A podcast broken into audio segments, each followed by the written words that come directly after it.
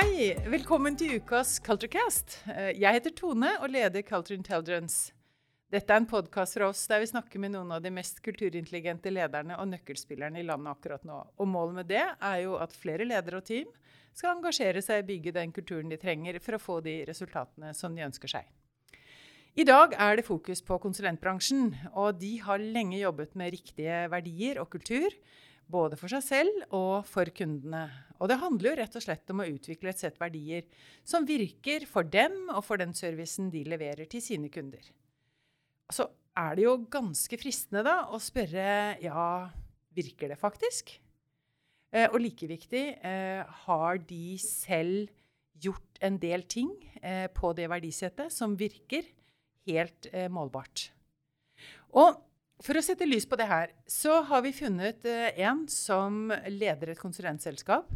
Som er best på systemutvikling, eh, og som har vært veldig visjonære med å få fram en riktig verdi- og kulturbasert tjeneste. Det handler om å være i forkant eh, og å levere tjenester basert på de verdiene. Han har tittel konserntjener, som ble kåret til Norges beste stillingstittel i 2018. Han er en ekte IT-leder, fotballelsker og en av gründerne i Miles. Og i dag er han her hos meg, nyklipt og fin. Velkommen til oss, konserntjener i Miles, Tom Georg Olsen. Hjertelig takk, Tone. Så hyggelig å ha deg her. Ja, jeg, har jeg gledet meg til å komme og, og, ha en god samtale med deg. Ja, vi har jo kjent hverandre over lang tid, og vi har liksom aldri fått sjansen til å satt oss ned og snakket om akkurat dette. Og akkurat det vi skal se på i dag, nemlig hva er det Miles har gjort som har virket så bra. Så, men vi starter med litt uh, det merkelige ordet konserntjener, for det tror jeg du må være den eneste som egentlig har. Hva gjør egentlig en konserntjener? Ja, det lurer alle på, egentlig. Ja. um, en konserntjener ville vel i et annet selskap bli kalt for konsernsjef. Um, og det er gjerne i, i, selskaper som har mange forskjellige eller konsern som har mange forskjellige selskaper. Um, men det at jeg har kalt meg sjøl konserntjener, det er riktig. det Så vidt jeg vet, så er den eneste som har den tittelen. Det har sin, sin, opprinnelse tilbake igjen til 2013, da vi ble forsket på av Handelshøyskolen. Og De hadde et prosjekt der de uh, forskjellige tema, men et av dem var uh, dette med hvordan leder man høykompetente medarbeidere. Mm. Og høykompetente, da tenkte man folk som hadde bachelor, master osv. Og, og vi hadde tydeligvis fått uh, til en del ting som de var nysgjerrig på. Og, og så kalte vi det formalsfilosofien da frem til det. Og de sa ja, det er kjempefint, det, men vi, vår oppgave er å finne hvilken akademisk ledelsesfilosofi som dere ligger nærmest. Og de var hos oss i tre måneder, uh, ut og inn tre stykker forskere intervjuet ansatte, ledere, kunder. De var med på rekrutteringssamtaler, de var med på sosiale arrangementer liksom for å komme på innsiden. da. Og Det de endte opp med, var at vi drev etter egentlig ledelsesfilosofi som, som ikke var kjent i Norge, uh, men den gikk helt tilbake til 1970-tallet i USA, som het servant leadership, eller oversatt til norsk tjeneledelse.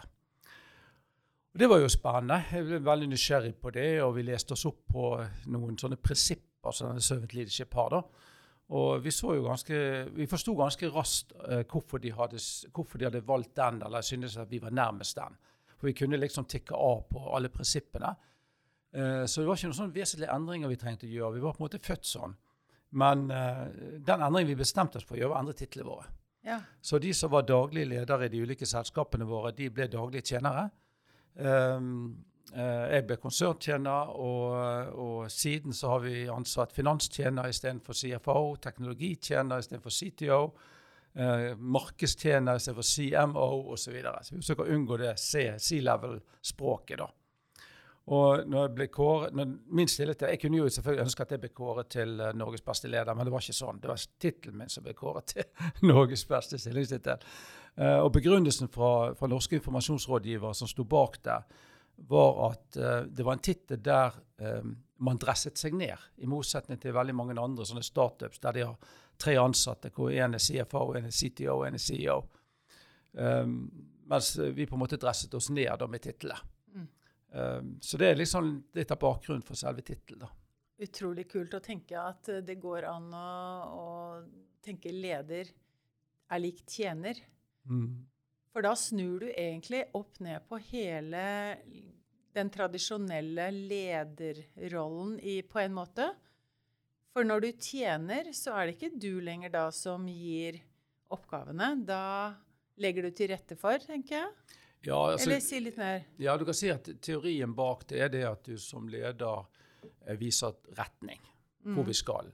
Men så overlater man til alle disse kompetente folkene som er i organisasjonen, til å finne ut hvordan man kommer dit. da. Og så er det klart at det, det er veldig sånn enkelt fremstilt. Det er klart man er involvert eh, selv om man er tjener. Da. Men si, for vår del så, så hadde tjenertituleringen to hensikter. Den ene er at det er en, eh, en uh, icebreaker på mange måter. Uh, jeg holder jo en del foredrag, og jeg kan ikke huske at jeg noen gang er blitt uh, introdusert som noe annet enn mannen med den spennende tittelen konserntjener. Uh, så det skaper litt oppmerksomhet og nysgjerrighet. men det er også en seriøs tanke bak. Måten vi mener at høyt utdannede mennesker spesielt, og det er det som har vært min karriere med å, lede, at de skal ledes på en måte som er liksom moderne ledelse, da, med at man mer støtter og utvikler mer enn å, å gi og, sånn Mm. command and control. Ja, så vekk fra det. Ja. Så helt konkret, hva ville være den viktigste forskjellen mellom deg og en hvilken som helst annen konsernleder eh, jeg snakker med? Det er litt vanskelig å si, for jeg har ikke satt på, på fanget deres, for å si det sånn. Men, eh, men det, det er vel kanskje dette med å bygge en tillitskultur, der vi forsøker å flytte beslutningene der kompetansen er høyest i konsernet. Og, og hvis man tenker litt sånn hierarkisk, eh, så det er, ikke, det, det, det er ikke nødvendigvis sånn at ikke vi kan ha et hierarki sånn rent sånn organisasjonskartmessig. Men det er mer hvordan eh, hvor beslutninger tas, og, og hvem som involveres. Og vi som har da hoveddelen av våre folk, er jo konsulenter. Vi er totalt sett en 240 stykker. og og da er vi sånn rundt, rundt 200 konsulenter. Eh, og tanken med, med sånn, bygge sånn tillitskultur um, og tjene ledelse er jo at de skal kunne ta de beslutninger på de tingene de er mest kompetente til, og som ligger nærmest de. Mm. Um, og det kan gå på f.eks. når skal du kjøpe deg en ny PC, når skal du kjøpe deg en ny mobil, hvilke konferanser skal du dra på, hvilke oppdrag skal du ta osv. Så, så så er det liten lederinvolvering. Selvfølgelig på når det gjelder oppdrag, så må vi jo finne oppdragene som de kan velge blant. da. Men de er alltid siste ordet Ja. på om de tar oppdrag eller Ja. Spennende å høre. Og du introduserte nå ordet tillitskultur, Mm. så da går, vi inn, da går vi inn der. Ja. Ja. Ehm, fortell om det. Ja. Um, det er jo uh, litt sånn hot tema, føler jeg på mange måter. Kanskje det er fordi at jeg ser etter det, men, men det snakkes mye om tillit. Og det snakket mye om at tilliten i verden er på vei nedover. Og jeg skal ikke bevege meg inn på det, det makro, eh, globale makrosnivået. Men, men jeg tror at dette med Norge som, og Norden for øvrig, som har så sterk tillit i samfunnet, Eh, Vi har tillit eh, til politikere, vi har tillit til domstoler, vi har tillit til politiet. Selv om enkelte politikere dummer seg ut en gang imellom. Så liksom, det fundamentale er at vi har tillit. Og det, det har vi hatt over mange hundre år. Og det gjør også at vi har veldig tillit til hverandre. Og det er et kjempekonkurransefortrinn. Uh, de av oss som har reist litt rundt i verden, ser at uh, dette med tillit er ikke noe man kan ta for gitt.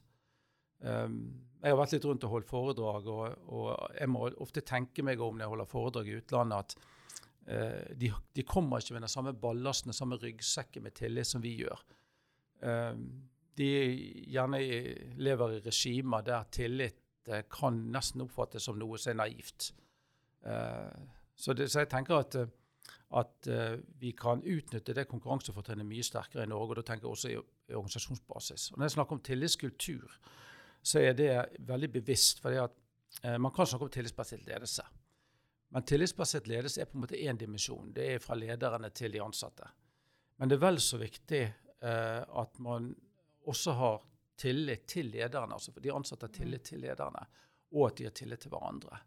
Og Vi så jo i forbindelse med pandemien, når det oppstår kall det kriser, da, så er det ekstremt viktig at vi har over tid bygget en gjensidig tillit i organisasjonen Sånn at lederne eh, ikke trenger nødvendigvis, når det må tas raske avgjørelser, og ha full involvering og høringsrunder osv. Men man har da tilliten bygget opp over tid som gjør at man kan ta raske beslutninger. Mm. Så hva gjør man for å bygge den tilliten? Det er jo hverdagen som teller, da. Mhm. Det er ikke festtale, det er ikke tale du tar på julebord osv. Det er jo de små tingene som, eh, som viser at du har tillit til de beslutningene som tas ute i organisasjonen. Og, og du bygger ikke en tillitskultur. Du kan ikke sånn at du kan beslutte på fredag at nå skal vi ha en tillitskultur fra mandag. Uh, det er et møysommelig arbeid som bygges over tid. Um, og for min del så begynner det jo med, med visjon og verdier og ledelsefilosofi. Um, og bygge en kultur også med, med veldig gjennomtenkt hvordan vi rekrutterer. Vi rekrutterer mennesker som sånn i utgangspunktet tror at andre vil de vel. Og det er et veldig godt utgangspunkt for Mm. tillit. Kartlegger dere noe av det her? Vet dere hvor mye tillit som liksom finnes i organisasjonen deres? Eller hvordan finner dere ut om dere er på rett sted på det?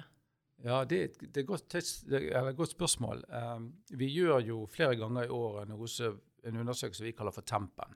Ja. Og det er en egenutviklet. Uh, vi har jo vært med på Great Place to Work tidligere, og det er også medarbeiderundersøkelser. Um, men de er anonyme. Mm. Og det betyr at uh, det er veldig vanskelig å sitte inn konkrete tiltak um, som favner Eller de favner da i utgangspunktet alle, for du vet ikke hvem som trenger de. Mm. Uh, vi kjører ikke anonym. Og bare det er en tillitserklæring. Um, og jeg har også innført det i ulike selskaper jeg har satt i styrer. Uh, og da pleier jeg alltid å si at første gang man gjør en sånn undersøkelse, så er ikke dataen du får inn så viktig, men hvordan administrasjon og ledelse responderer på dataene. Der kan Mm. du sette på en måte en riktig uh, vei videre, eller du kan bomme helt. Mm. Um, og vi spør da uh, ting som har med hvor fornøyd de er med oppdragene sine, hvor fornøyd de er med oppfølging fra administrasjon og ledelse, hvor fornøyd de er med sosiale arrangementene, hvor fornøyd de er med sin faglige utvikling osv.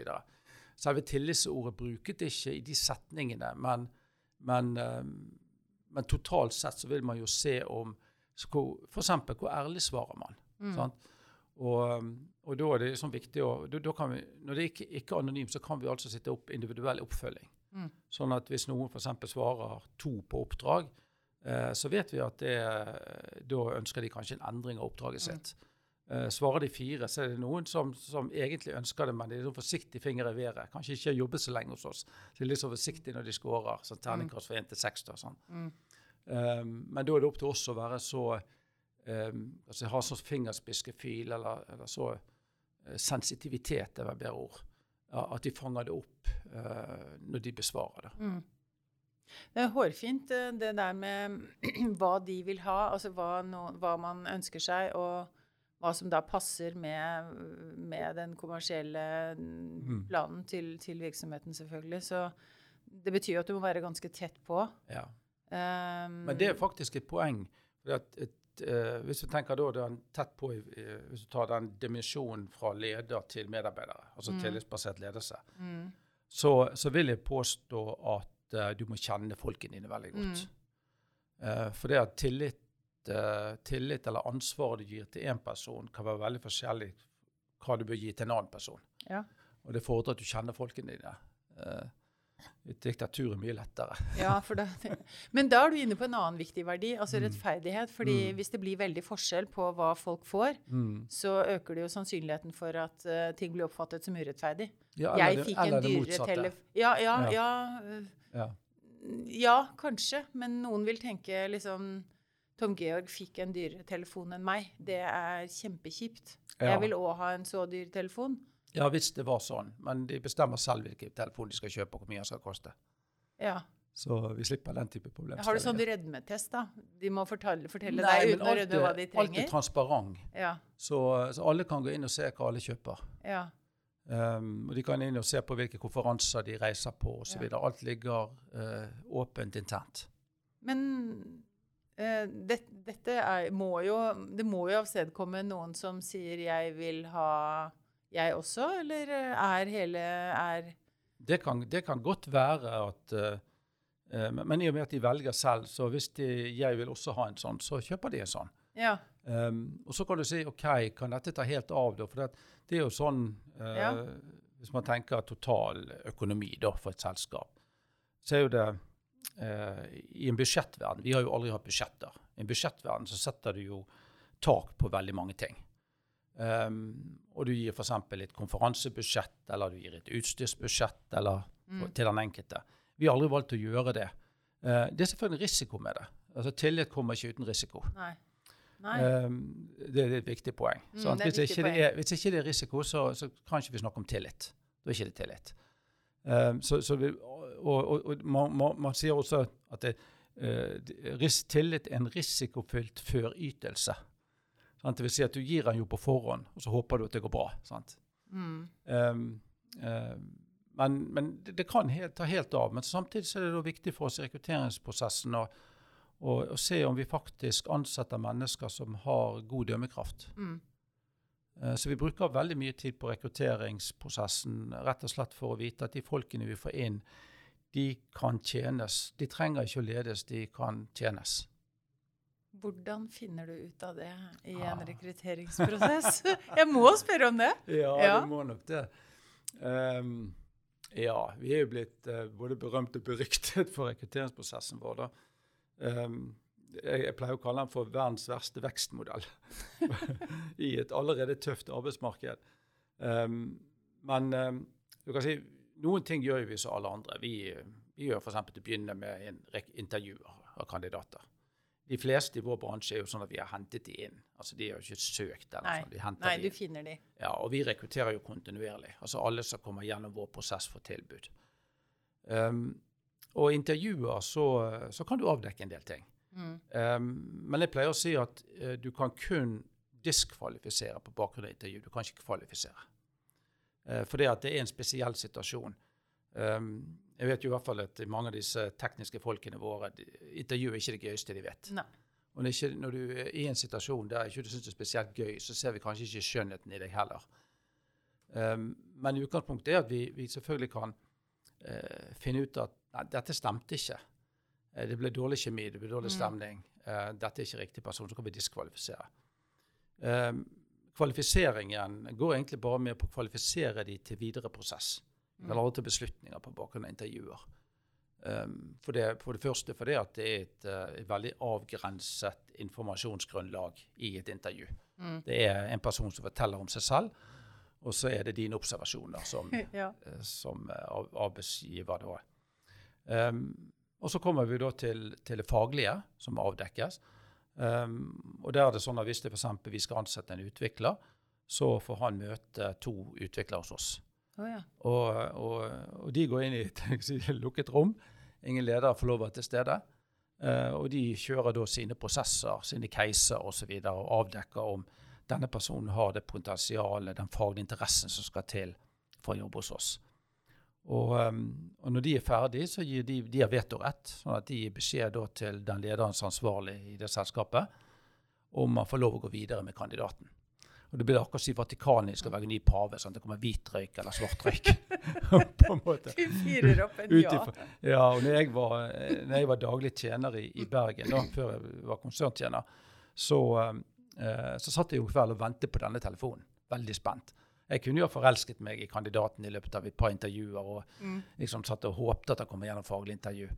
Uh, om han ikke gjorde det, så var det min jobb egentlig å forsøke å finne ut hvorfor og gi en konstruktiv tilbakemelding. Og så eh, den siste biten, så kanskje den som har gjort oss mest berømt eller beryktet, er jo at vi ikke ansetter noen uten å gjøre ti referansesjekk. Det er heftig. Mm. Hva spør du om da? Ja, vi har en mal vi går igjennom. Ja, da. Okay. Eh, og det er gjerne sånn at vi får frem de referansene. Jeg, jeg er ikke så spe spe spesielt glad i de uh, referansene som ligger på en CV. De, som, Ja. de legger gjerne to-tre stykker, og de er så kvalitetssikret. Og ofte er det veldig god kjemi med kandidaten allerede. Um, så vi får heller forsøke å, å få tak i referansene gjennom et intervju med kandidaten. da. Og vi spør liksom, når du jobbet der, har du en kollega som du jobbet med i hvert fall i to år? Du sa du jobbet mye med kunder. Har du en kundekontakt? Ja, okay. Hvem var lederen din? Mm. Og forsøke å få litt sånn 360 graders perspektiv. Da. Mm. er s- personlige, og det er noe forskjellig sikkert internt hos meg òg, men, men eh, eller hos oss. Men personlig så liker jeg jo best de som er sideordnet. Mm. De som har sett deg når sjefen ikke er i rommet. Uh, fordi Mm. at vi, Ingen av oss er perfekte. Uh, ingen kandidater er perfekte. Men det, det er litt kjekt å vite hvordan er du på en dårlig dag, som vi Ja. alle har innimellom. sant? Uh, lager du da kos med misnøye, eller, eller er du bare litt stillere og vil jobbe litt i fred? Ja, Sant? Og det, det har betydning i neste omgang for kulturen vår. selvfølgelig. Så. Men jeg vet at det er to verdier som dere er spesielt opptatt av. Eh, faglig autoritet og varme. Mm.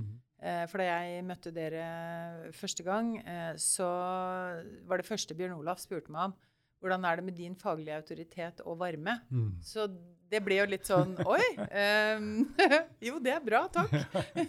Men hvordan vurderer dere det i praksis? Ja, jeg kan si Bjørn Olav som du refererer til, Ja. ja. daglig tjener i Miles i Oslo. Um, I praksis så kan du si at uh, hele rekrutteringsprosessen er jo rigget på bakgrunn av å avdekke de to verdiene. da. Og Faglig autoritet kan høres litt sånn skremmende ut. Um, men det vi først og fremst ser, at det er jo folk som er faglig veldig interessert. Vi vet jo, de fleste av oss, at det vi er interessert i og er villige til å bruke, ikke det idretten sier, 10 000 timer, Mm. eh, så blir vi som oftest på et veldig bra nivå.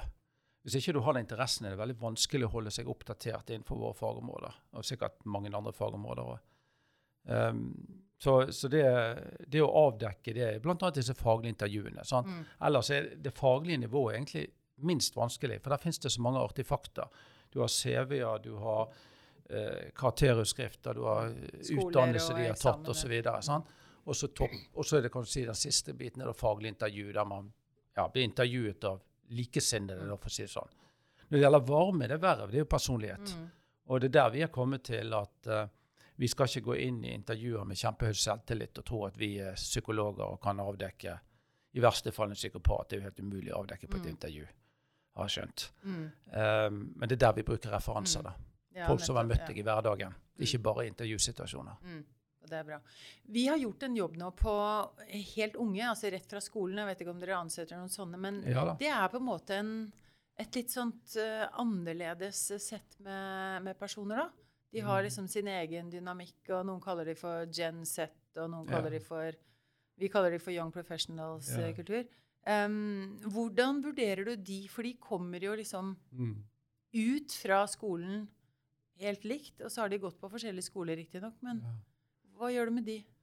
Um, nå er ikke vi et typisk eh, sted der man begynner med nyutdannet. Nei.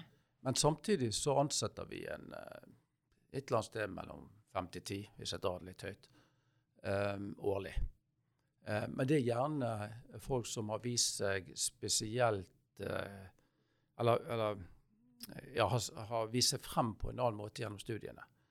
Eh, de har gjerne hatt prosjekter utenom, de har engasjert seg i studentforeninger. Eh, de har noe mer. De har noe mer på CV-en sin enn bare utdannelsen.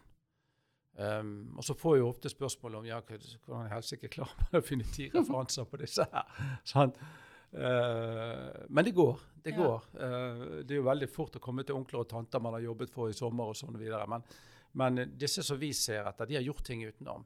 Ja. Og um, en av de um, beste referansesamtalene jeg har hatt, uh, var en med en ishockeytrener. Et fysisk møte i to timer. Uh, og det var med en, en nyutdannet. da. ja. Og i dag så eh, er han leder for et selskap som er verdsatt to milliarder. Så, Nice. så jeg er litt Ja. stolt at jeg klarte å avdekke Skal ikke si at jeg avdekket det potensialet, men, men eh, det betyr i hvert fall at du kan eh, Hvis du jobber grundig med det, så kan du faktisk avdekke talenter såpass tidlig. da. ja. Så vet jeg at du er mentor for noen eh, helt unge også. Mm. Hva gjør du da? Ja, det, det er jo litt sånn, nesten litt sånn, litt sånn veldedighetsarbeid, for det, det er lite inn, inntektsbringende her, for å si det sånn. Um, men det jeg har um, fått muligheten til, det var med i et program til Bergen Næringsråd som heter Bergen Opportunity, hvor uh, det er 20 mentorer hvert år, og så er det 20 eh, flerkulturelle eller multikulturelle oh, ja. folk som enten er begynt som leder eller har ambisjon om å bli leder. Og de, jeg tror det er 300-400 som søker hvert år, Mm. og de plukker ut 20. Og det har vært med nå i tre år. Eh, og så skal egentlig det vare ett år, da, men det er en tendens til at du fortsetter den relasjonen etterpå. Da, så det hoper seg opp. Men jeg syns det er utrolig givende. For det at En ting når du er mentor, det er at uh, i motsetning til en coach, så er jo det, mentor er jo en, den som har mer erfaring mm. enn deg på det området du er interessert i. Sant? Og som i dette tilfellet var ledelse. Um, og, og, da kan det fort bli en sånn enveisgreie. Hvor du er der som støttespiller, sparingspartner, uh, læremester, uh, uten at du får noe annet tilbake enn takknemlighet. på en måte. Ja. Men når jeg har flerkulturelle, så får jeg utrolig mye tilbake igjen. Jeg lærer om andre kulturer, jeg lærer om andre måter å, å forstå næringslivet i Norge på. Mm. Eh, fordi at de reagerer på andre ting enn vi reagerer på. De forstår ikke alltid kodeksen vår. Nei. Nei. Men um, lærer du noe av det? Ja, det er det jeg mener. Ja, jeg lærer mye om andre kulturer. Ja, Men sånn om deg? tenker jeg. Eh, ja, ikke bare om de, om du For det, det, ja, det tenker ja, i et sånt møte at du også lærer mye om deg? Ja da. Og en av de tingene som jeg lærer, det er jo egentlig mye rundt retorikk. For det at eh, når man går og, og, stort sett holder foredrag for næringsliv, næringslivsfolk og snakker med kollegaer i bransjen, eh, så, så, utvikler man på en måte et slags stammespråk. Mm. Um, og det stammespråket er ikke alltid helt intuitivt når du har unge mennesker. Uh, så det tvinger meg av og til til å, å formulere meg på en annen måte. Ja. Sånn at uh, det blir mer forståelig. da. Si et sånt ord som, som, ikke, som, som ikke, passer. du ja, f.eks. Uh, når man snakker om tillitsbasert ledelse til en som uh, aldri har vært ordentlig ute i arbeidslivet. Uh, hva, er det, hva, er det, da det ikke er tillitsbasert? Ja. Altså, sånn, ja, sånn, ja. Så stiller de den type spørsmål, og så må jeg tenke. det er bra, da. Ja, Uh, og jeg hadde en, en, som jeg er veldig glad i. som Jeg, vi, jeg har spøkefullt sagt at vi er hverandres mentor, for jeg har lært så mye ut av han. Uh, og han, uh, Vi hadde hatt en prat rundt tillitsbasert ledelse. Og Så ringte han meg en lørdagskveld eller satte en melding på Message en lørdagskveld, spurte vi kunne snakke fem minutter. Og så Han har, han har behov for liksom å, å, sette ting over i sånne metaforer, sant? for da forstår han bildet. Så sier han det. Du, Tom Georg, jeg, jeg, jeg tenker på tillitsbasert ledelse. Jeg, hvis du tenker deg en gartner som, uh, som, I hagen sin så har han roser, så har han kaktus, altså forskjellige ting. Roser trenger mye vann til å begynne med, mindre vann siden. Kaktus trenger mye vann til starten, og så trenger de nesten ingenting. Og sånn. Eh, hvis du tenker deg som, som en tillitsbasert leder, da, uh, er det sånn du må tenke akkurat som en gartner, at de trenger ulike ting til ulike tidspunkter? Så tenkte jeg ja, jo, jo nei, men den metaforen kan jeg på en måte uten Man skal aldri dra metaforer for langt, da, men, men det hørtes fornuftig ut. OK, så takket han da. Så, dette var en lørdagskveld. Mandag så sendte han en ny, spurte om han kunne få, få, ringe igjen. Og så ringer han og sier han, du, har tenkt på en ting med denne gartneren. ikke det ofte sånn at det er ugress i hagen òg?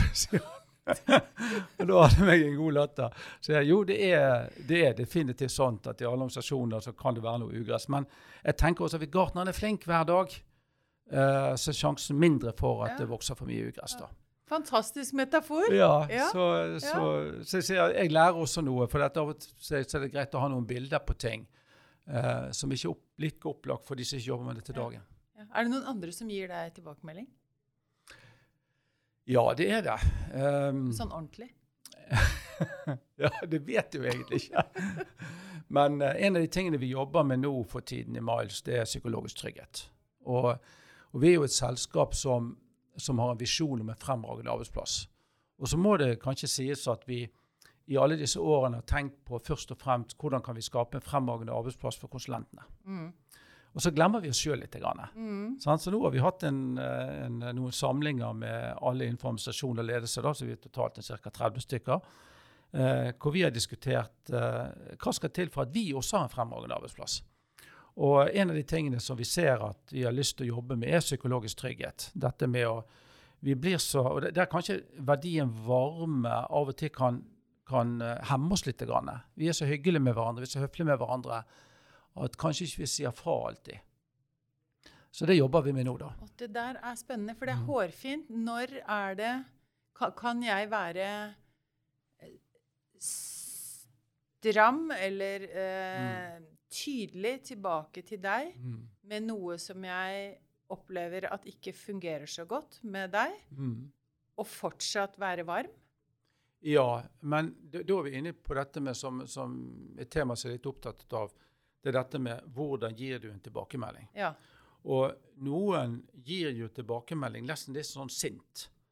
Eh, og det er veldig derfor at eh, Mm. altså, Hvordan en tilbakemelding fungerer, er, to sider Mm. av det. er avsender og mottaker. Og hvis uh, du er litt sint når du gir den tilbakemeldingen, det er akkurat som du har ventet og ventet og ventet, Mm. Ja. og til slutt så klarer du ikke mer, og så sier du fra. Ja.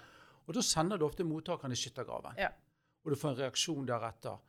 Uh, det som jeg tenker er viktig med tilbakemelding, det er at um, det må fremkomme tydelig at jeg er egentlig glad i deg, jeg, jeg bryr meg om deg. Mm. Og det koster meg noe å gi denne tilbakemeldingen som kan være litt tøff.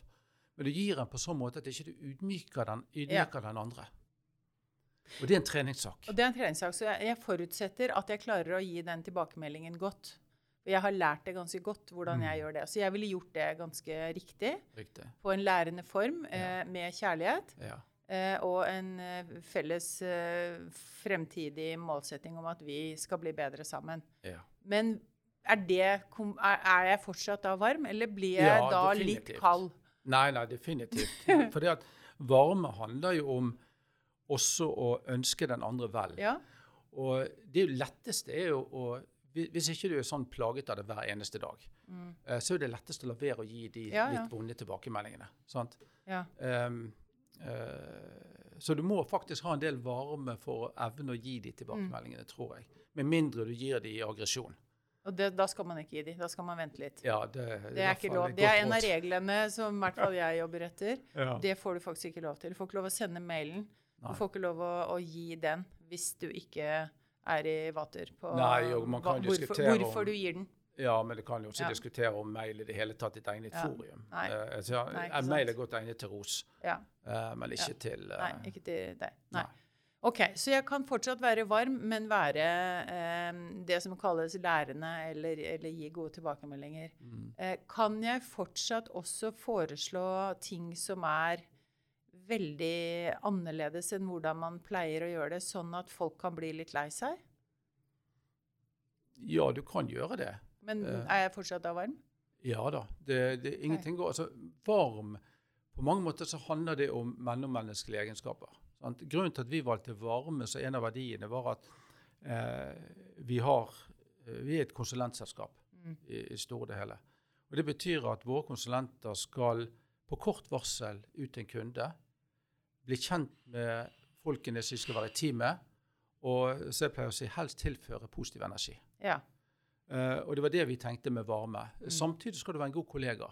Mm. Sant? Hvis vi skal få selskapskulturen til å fungere, så må du også bry deg om kollegaene dine. Det be- Om det betyr Mm. Ja. å dele kompetanse, eller gå bort til en som du ikke har sett før på et sosialt arrangement, eller Mm. hva det måtte være. Så det er mange, mange aspekter med, med, med varmebegrepet. Da. Men til syvende og sist handler det, handler det om har du, har du sosial intelligens, har du gode mellommenneskelige egenskaper. Ok. Eller er det sånn at du irriterer folk rundt deg?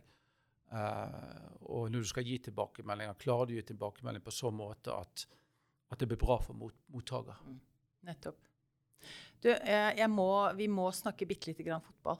Må vi det? Ja, vi, ja, vi, nå har vi litt grann tid igjen. Vi, vi har spart litt til slutt. En fordi- times tid, da, Eh, kanskje? nei, jeg har ikke helt det, men nå skal du høre. Nå skal du høre. Eh, Det Mm. åpningsspørsmålet Hvilket fotballag har den beste kulturen? Og nå er det ikke lov å si Brann. Nei, nei, det er ikke så mange igjen, da. Nei, Brann har jo den beste nachspielkulturen. Ja, det vet Ja, vi. Det ja, har vi egentlig ja, lest om. eh, ja. ja. Nei, altså, jeg er jo jeg, eh, Her er jeg både elsket og hatet. Jeg er kanskje mest hatet. For det, at, eh, det heter jo seg at du ikke skifter favorittlag etter puberteten.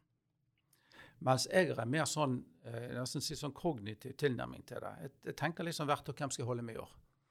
Uh, og det er jo, uh, det er jo uh, tabu, egentlig. Så hvem er det? Ja, I år så, så holder jeg med Arsenal. Ja. Egentlig et lag jeg har holdt med også tidligere, på 70-tallet. Når de tok til double. Eh, Ja. da, da begynte jeg å holde med dem. Og så har de forlatt dem litt. Grann. Men eh, nå når Ødegaard er ja, så nå har de fått en bra kaptein. ja, Ja. eh, så plutselig blir hele laget Ja. interessant, syns Ja. jeg. Pluss at Ateta syns jeg er en veldig spennende ledertype. Ja. Um, så Arsenal. Og så heier jeg på Haaland. Ja, Jeg syns han er en tro. utrolig kul type. Ja. Eh, Guardiola som tre, manager, Ja. trener, eh, har veldig sansen for. Og så Mm. kan man jo mene masse om Manchester City og, og hvem som eier de Mm. osv. Men, men uh, jeg tenker at jeg hever meg litt over det, eller mm. under det. ja. jeg, jeg, leter sånn, skjønner, jeg leter sånn etter en Jeg har så lyst til å ha en fotballtrener her i mm. studio mm. og høre oss snakke hvordan, hvordan jobber du med kultur i et fotballag mm. på, på, et ja. Altså på et ordentlig nivå, da. Ja. Hvordan tenker de om det? Jeg er så nysgjerrig på det. Ja. Så jeg leter sånn etter eh, noen. Eh, men hvem ville du ha valgt? Jeg tror um, Nå skal ikke jeg si at jeg kjenner alle, alle fotballtrenere, men, men, jeg tror um, en som nok kunne beriket litt, grann, er nok uh, Horneland i Brann. Ikke fordi at jeg er Brann-tilhenger, men fordi at han hadde en ganske beskjeden rolle som, som, assistenttrener, eller ja, eh, før denne nachspiel-skandalen. eh, og måten han håndterte den på eh, og ryddet opp Og i dag så virker det i hvert fall som om eh, kulturen der er veldig sterk. Okay. Og ikke så personavhengig som var tidligere. Mm. Eh, og den fasen, dra, dra, klubben gjennom den fasen der mm. en, Jeg tror mange kunne lært noe ja. av. Det ser veldig forskjellig fra fotball. Jeg har jo satt i det styrevervet i fotball. Eh, og min største karriere der er 15 minutter i styret i Brann.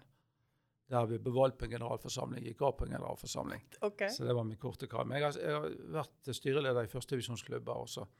Men, men, det som er største forskjellen, som hvis du tenker fra et trenernivå, da, mm. det er at eh, hver eneste uke så forteller du hvem som får lov å jobbe. Ja. Uh, eller i hvert fall til helgen, da. Hvem som får jobbe, jobbe ja, på lørdag, og hvem som ikke ja. får lov å jobbe på lørdag. Og, og, det er jo gjerne sånn at de som ikke får lov å jobbe på lørdag, mange av de får ikke jobbe på noen lørdager. Sånn. De, er, de, de, skal tåle De er langt det. nede i stallen når det mm. gjelder mm. og, og um, og det å klare å forventningsstyre sant? Det er greit nok de som får beskjed på tirsdag eller torsdag, eller ikke, sikkert forskjellig fra trener, trener hvem som skal spille på mm. lørdagen de trenger ikke du grunn til å klappe på. De er kjempehappy, for de har bare fokus på lørdagen. De skal spille eller mandagen eller hva det måtte være. Eh, men det er klart at de som, som ligger akkurat i vippen hver mm. uke eh, og får beskjed om at de ikke skal spille, eh, hvordan håndterer du de? Og spesielt de som over tid kanskje spiller lite. Det syns jeg er en veldig spennende ja, er, lederrolle, eller mm. lederoppgave. Mm. Det høres. Nå fikk jeg en sånn, et bilde i, i hodet med livet til en startup. Mm. Du, hvem, hvem, I forhold til uh, kapitalrunder, in, investor Hvem skal Hvem, hvem skal få skal, lov å investere? Så, så, behøver jeg ikke å si noe mer om det, men, uh, mm. men det var noen mm. bilder der. Ja. Men avslutningsvis, du. Hva gleder du deg mest til i 2023? Ja, et stort spørsmål. Um, nå er det jo sånn at uh, at jeg skal tre av som konserntjener. Det har jeg lest. Skjønner. Det var fint ja. at du sa det. Jeg hadde ikke lyst til å si det, men jeg har ja, lest at du leter noe, etter en ny. Det er ikke noe dramatikk rundt Nei. det. Jeg har jo vært leder der i 17 år. Mm. Um, og om jeg har tatt ut potensialet mitt, det er jo vanskelig å si, da, for det er alltid noen nye utfordringer. Men, men um, jeg tenker kanskje organisasjonen trenger en ny, en ny leder på toppen. Um, så også tenker jeg at jeg har masse energi, kanskje ti år igjen i arbeidslivet. Um, og kan gjøre en del andre ting. Hva skal du gjøre da? Ja, Jeg, jeg har en del styreverv jeg skal videreføre. Jeg har lyst til å holde foredrag fremdeles. Kommer sikkert til å ta noen sånn interimleder, management for hire. Ja. Mentoring skal jeg fortsette med. Ja, Det er masse, masse muligheter. Høres ut som like mye jobb som før, bare ikke ja. i, under den tittelen. Det det. Men skal du gjøre noe annet, da? Nei, altså, Jeg har liksom en tre til seks måneder igjen. Og sånt. Vi er ute etter å se etter min erstatter nå. Og det er litt spesielt å å se en stillingsannonse der de søker etter konserntjener. Mm. Uh, og på et tidspunkt så forlater jeg den, den tittelen. Det er sikkert litt vemodig i noen ja. timer. og det kommer til å bli grusomt den dagen. Så, men, ja. men, det er jo for en god sak, da. Så, det er så. Ja, det er så. så bra. Tom Georg, dette har vært skikkelig gøy. Jeg har lyst til at vi tenker mer på hvordan vi kan eh, Særlig den der oppfølgeren med fotball, den syns jeg er kjempespennende. Du er første jeg snakka med det om. Så La oss snakke litt mer om det. Eh, finne den til, Kanskje kan vi ringe til Horneland og høre om han har lyst til å ta en prat med oss, eller kanskje finner vi noen andre. Men veldig veldig spennende å tenke at dette også gjelder for eh, lagsport. Så tusen takk for at du var med. Eh, tusen takk for at du bygger et mer verdifullt næringsliv. Og masse lykke til i 2023. Tusen takk.